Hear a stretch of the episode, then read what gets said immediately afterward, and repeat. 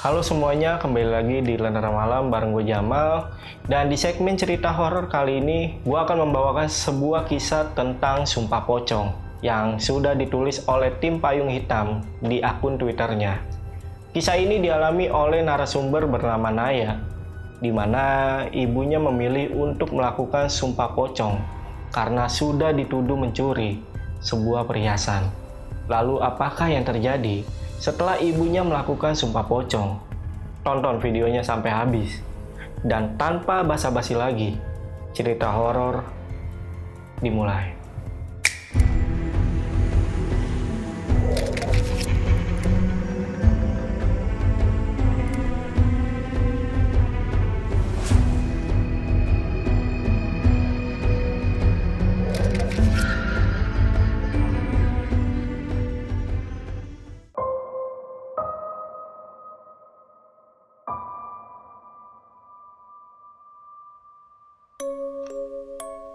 Kisah ini dialami oleh narasumber bernama Naya. Naya ini tinggal hanya berdua dengan ibu kandungnya. Sedangkan ayahnya sudah meninggal lebih dulu. Disusul adiknya juga meninggal, yang waktu itu umurnya masih balita. Awal mula kejadian ini tahun 2008 sewaktu Naya masih SMA. Naya mempunyai seorang ibu yang biasa dipanggil dengan nama Boima. Boima bekerja di salah satu rumah tetangganya yang bisa dibilang juragan di desanya. Kita sebut aja nama juragannya Pak Hanif dan istrinya bernama Mbak Vivi. Di umur 60 tahun, Boima ini masih kuat untuk bekerja sebagai ART. Seperti ART pada umumnya, Boima mengurus tiga anak Pak Hanif yang masih kecil-kecil, membersihkan rumah, mencuci baju, menyiapkan makanan, dan lain-lain. Boima beruntung bekerja di keluarga Pak Hanif. Selain Pak Hanif dikenal dermawan, istrinya juga selalu baik sama Mbok Ima. Beberapa pekerjaan Mbok Ima juga sering dibantu sama Mbak Vivi. Bahkan sering kali Mbok Ima ini datang pagi-pagi dan malah disuguhi sarapan oleh Mbak Vivi. Malahan, setiap kali sore Mbok Ima mau pamit pulang ke rumah, Mbak Vivi juga nggak jarang menitipkan makanan untuk Naya di rumah. Ibunya sering cerita ke Naya kalau memang Mbak Vivi istri yang rajin. Bahkan rajinnya mengalahkan Boima sebagai ART-nya. Dan Mbak Vivi sudah menganggap Boima seperti ibunya juga. Belum lagi, suami Mbak Vivi yaitu Pak Hanif yang bisa dibilang sangat sempurna. Beliau disegani dan dihormati karena selain beliau orangnya yang religius, beliau juga kaya raya. Lahan bisnis pertaniannya ada di mana-mana bahkan sudah membangun masjid yang megah di desanya. Dan begitulah latar keluarga dari keluarga tempat ibunya Naya bekerja. Setelah tiga tahun bekerja di sana, suatu hari keluarga Pak Hanif ini pergi ke Malang selama beberapa hari. Tapi Mbok Ima tetap bekerja di rumah Pak Hanif yang kosong. Jadi Pak Hanif menitipkan kuncinya ke Mbok Ima. Singkat cerita, setelah kepulangan Pak Hanif dari luar kota, Mbok Ima ini yang sedang di rumah bersama Naya dipanggil Pak Hanif ke rumahnya. Begitu pulang dari rumah Pak Hanif, raut wajah Mbok Ima menjadi lemas dan Mbok Ima cerita. Ternyata semua perhiasan emas Mbak Vivi hilang. Mbak Vivi yakin kalau perhiasannya diletakkan di kamarnya. Mbok Ima ketakutan karena baru pertama kalinya dia melihat Pak Hanif marah besar dan kesal terhadap dirinya. Karena emas yang hilang itu adalah emas warisan dari keluarga mereka. Bo Ima menangis sejadi-jadinya di rumah. Mengingat keluarga Pak Hanif ini sudah baik dengannya, sehingga Bo Ima merasa kalau dirinya tidak menjalankan tanggung jawabnya dengan baik. Pak Hanif dan Mbak Vivi juga heran, karena tanpa adanya tanda-tanda maling, perhiasan emasnya bisa hilang. Mbak Vivi yakin kalau kamarnya ini sudah dikunci dengan rapat dan tidak ada kerusakan sama sekali di pintu lemari maupun di pintu kamarnya. Selang beberapa hari hilangnya perhiasan emas Mbak Vivi, secara nggak langsung Mbak Vivi dan Pak Hanif menunjuk Mbok Ima sebagai pelakunya. Karena cuma Mbok Ima saja yang punya akses untuk masuk rumah Pak Hanif. Naya sangat sedih melihat kondisi ibunya karena tuduhan yang Pak Hanif lontarkan sekarang sudah menyebar ke seluruh warga desa. Warga sampai menyebut Mbok Ima sebagai pencuri yang serakah. Akhirnya Mbok Ima dipecat oleh Pak Hanif. Mbak Vivi pun hanya bisa diam karena dia ikut kecewa dengan perilaku Mbok Ima yang sudah dianggapnya sebagai ibunya sendiri. Besoknya setelah kabar dipecatnya Mbok Ima, Naya dan ibunya harus putar otak lagi nih untuk tetap bisa menyambung hidup. Karena apa pun masalahnya, hidup harus terus berjalan.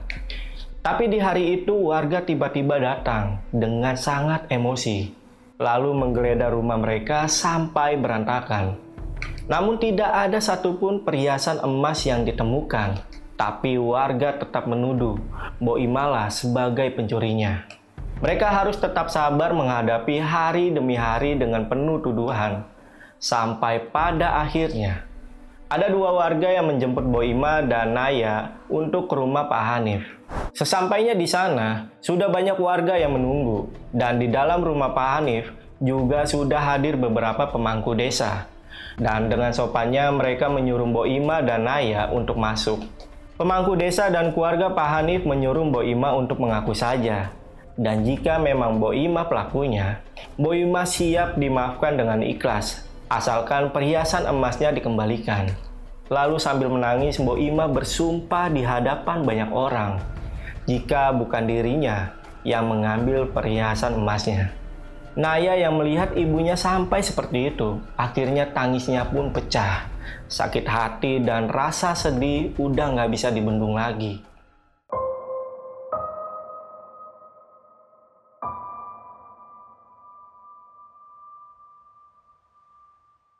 Karena dari pertemuan ini nggak menemukan titik tengah, akhirnya Pak J sebagai penengah dari masalah ini mengusulkan supaya Mbok Imah melakukan sumpah pocong.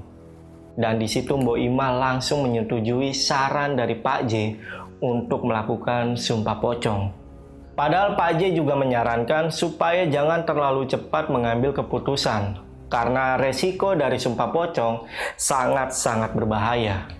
Tapi Mbok Ima ini tetap kekeh dengan keputusannya. Dia bersedia untuk melakukan sumpah pocong.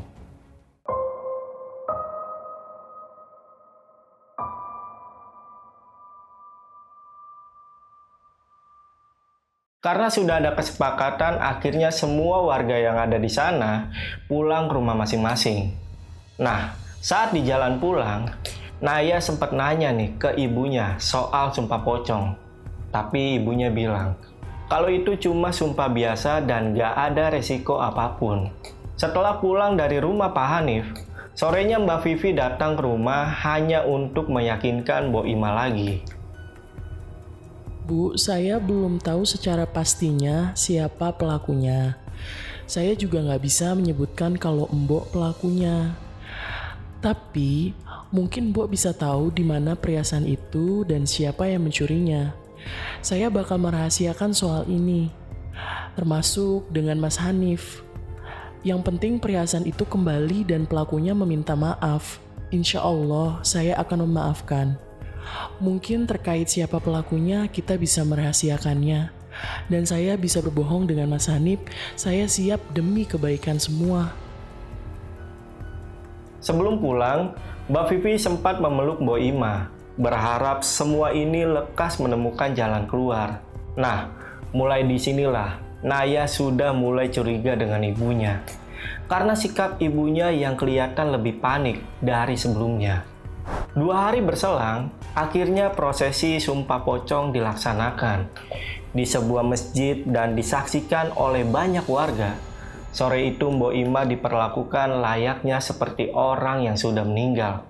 Mbok Ima dimandikan oleh beberapa perempuan di desa mereka, termasuk Naya dan Mbak Vivi. Kemudian Mbok Ima dikafani dan direbahkan di keranda, lalu diletakkan di dalam masjid. Akhirnya barulah Mbok Ima bersumpah. Saya bersumpah, bukan saya pelaku atas hilangnya perhiasan Mbak Vivi. Dan jika saya berbohong, saya siap menanggung apa pun akibatnya dari sumpah ini. Selesai prosesi, Naya dan Mbak Vivi membuka kain kafan Boima. Kemudian semua warga kembali ke rumah masing-masing. Nah, sebelumnya, Pak J ini sempat menitipkan secari kertas yang berisi nomor handphonenya. untuk berjaga-jaga kalau nanti ada masalah dengan Bo Ima dan bisa menghubungi Pak Haji. Dan masih banyak pertanyaan-pertanyaan yang ada di pikiran Naya mengenai ibunya. Apa akibatnya jika memang benar ibunya yang mencuri? Karena apa pun niatnya, mau itu hilaf atau nggak sengaja, Naya takut melihat ibunya yang sudah melakukan sumpah pocong. Karena prosesi tadi dilakukan dengan sangat-sangat serius. Dan Naya pun bertanya ke ibunya, Beneran bukan ibu kan pelakunya? Insya Allah semua akan baik-baik saja nak. Karena memang bukan ibu pelakunya. Bo Ima menjawab dengan singkat dan dengan raut wajah yang tidak lagi tegang. Hingga Naya akhirnya bisa tenang sedikit.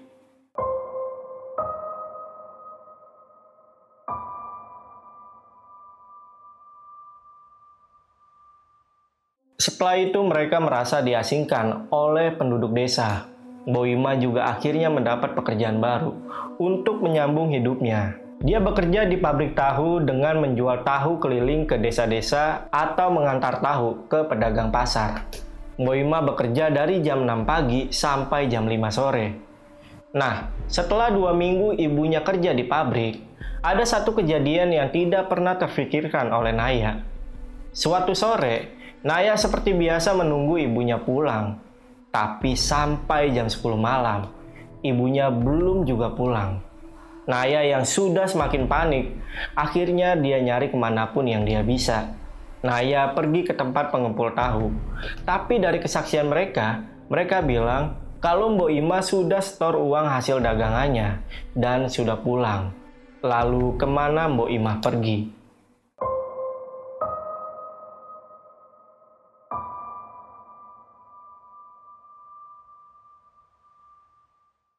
Akhirnya Naya pulang. Tapi begitu sampai di rumahnya, Naya kaget. Karena di depan terasnya sudah ada sepeda ibunya. Naya langsung masuk rumah dan cek kondisi ibunya. Dan ternyata ibunya sudah ada di kamar dan sedang tidur. Naya sudah merasa lega karena ibunya sudah pulang. Tapi entah kenapa, Naya merasa aneh dengan posisi tidur ibunya karena posisi tidurnya yang nggak seperti biasanya. Sampai nggak ada space atau ruang lagi untuk Naya bisa tidur di sebelah ibunya. Akhirnya Naya tidur di ruang tamu. Selama Naya berusaha buat tidur, Naya lagi-lagi punya perasaan nggak enak mengenai ibunya. Naya mencoba ngecek lagi ke kamar, tapi posisi tidur ibunya belum berubah. Posisinya ini melintang di kasur dengan tangannya dilipat ke dada masih sama kayak tadi. Dan dia nggak mau bangunin ibunya yang kelelahan. Naya balik lagi ke ruang tamu. Begitu di ruang tamu, akhirnya dia bisa tidur. Nah, saat dia tidur, Naya masuk ke dalam mimpi yang menurut dia mimpi inilah yang menjadi pertanda buruk untuk ibunya. Naya ini bermimpi kalau ibunya ini lagi ada di suatu tempat. Tapi pandangan Naya tiba-tiba menjadi gelap. Lalu Naya mendengar ada banyak orang yang menangis di sekelilingnya.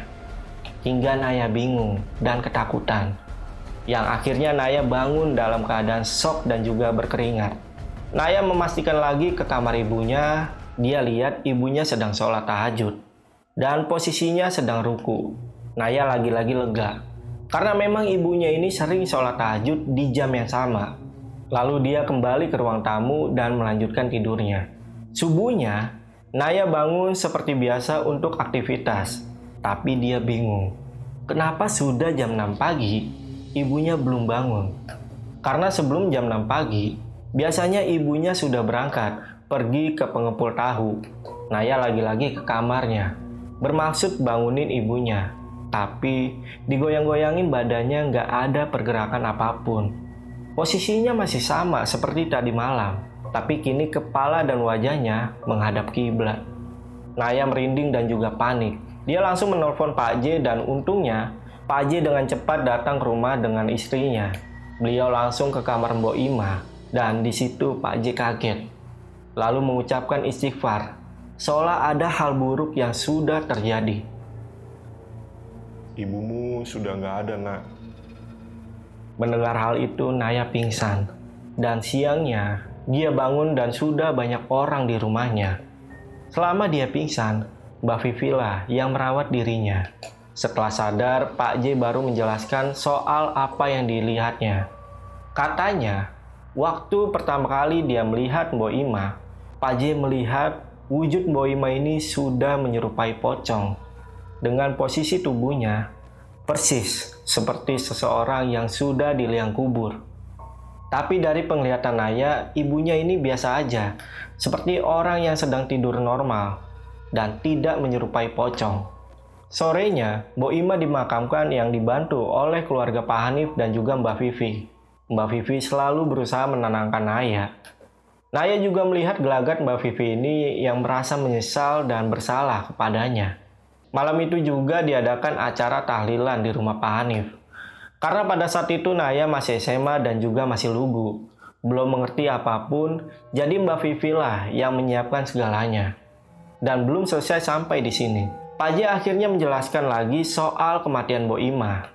Pak J menjelaskan ke Naya, kalau memang inilah konsekuensinya jika berani berbohong dan bersumpah pocong. Ya, resikonya adalah kematian.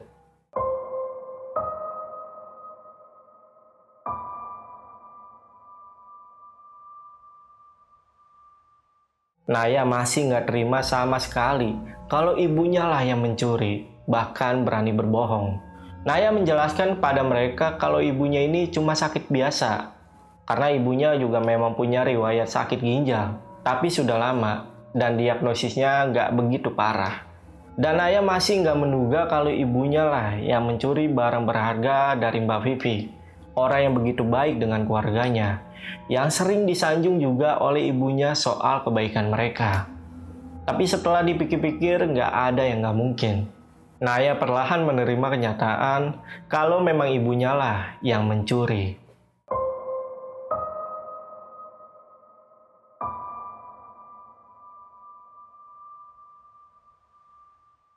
Mbak Vivi juga akhirnya memaafkan dan lebih menyesal mengambil jalan nekat seperti itu hartanya yang gak seberapa, sampai harus menelan korban.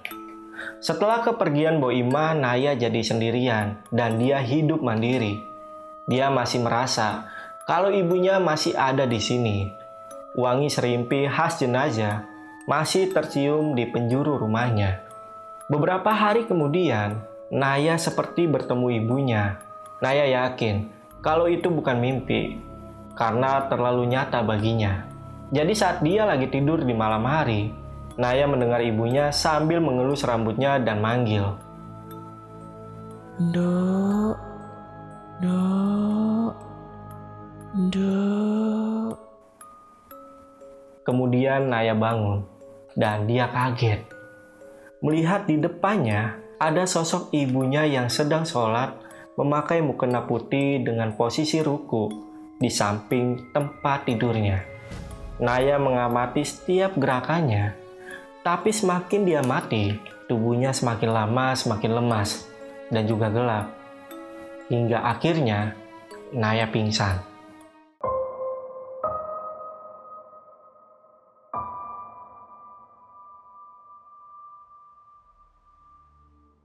Setelah dari kejadian itu, Naya jadi takut di rumah sendirian. Dan setiap dia sendiri, Naya selalu bilang, Jangan perlihatkan lagi ya bu. Naya takut. Naya sendirian di rumah.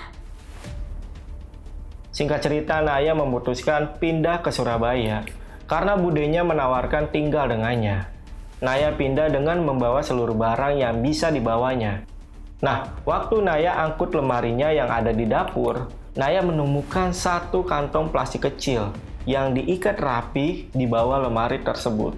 Takut barang ini punya ibunya, dia lalu mencoba membuka dan begitu dibuka, ternyata isinya adalah perhiasan emas. Di situ ada satu kalung dan dua emas yang ukurannya nggak begitu besar. Naya ngerasa nggak pernah lihat ibunya memakai perhiasan ini. Dan untuk apa ibunya simpan perhiasan ini?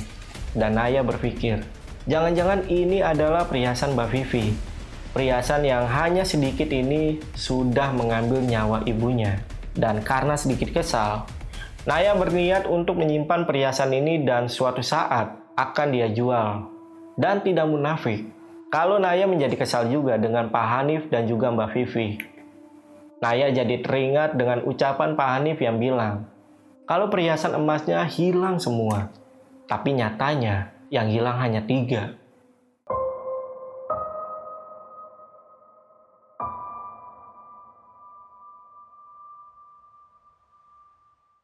Singkat cerita, setelah kurang lebih setahun, Naya yang sudah pindah ke Surabaya di tempat budenya, akhirnya berpikir kalau perbuatan dia menyimpan emas milik Mbak Vivi adalah salah.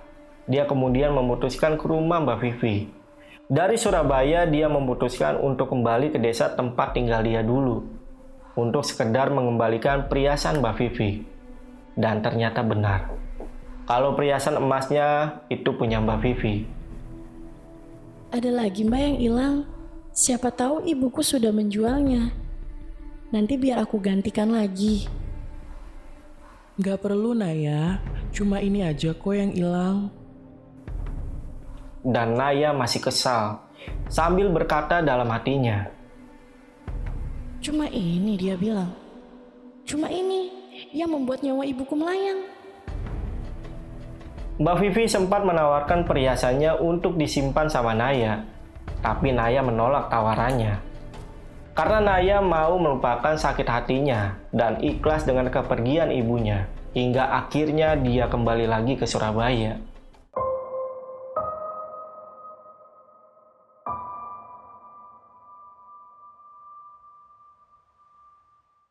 Di jalan pulang menuju Surabaya, hatinya ini berkecamuk. Memang mencuri bukanlah hal yang dibenarkan. Tapi ibunya rela mencuri hanya untuk biaya kuliahnya saat nanti dia lulus SMA. Dan bukan untuk kekayaan apalagi kepuasan. Karena kalaupun untuk kaya, ibunya bakal mencuri dengan jumlah yang sangat banyak. Oke itu tadi cerita untuk video kali ini dan buat kalian yang punya rekomendasi cerita atau kalian juga punya cerita yang epic kayak gini kalian bisa langsung aja DM ke IG kami atau kalian bisa klik link yang ada di bawah. Nanti ada admin kita yang arahin kalian. Yaudah, gue Jamal dari Lender Malam pamit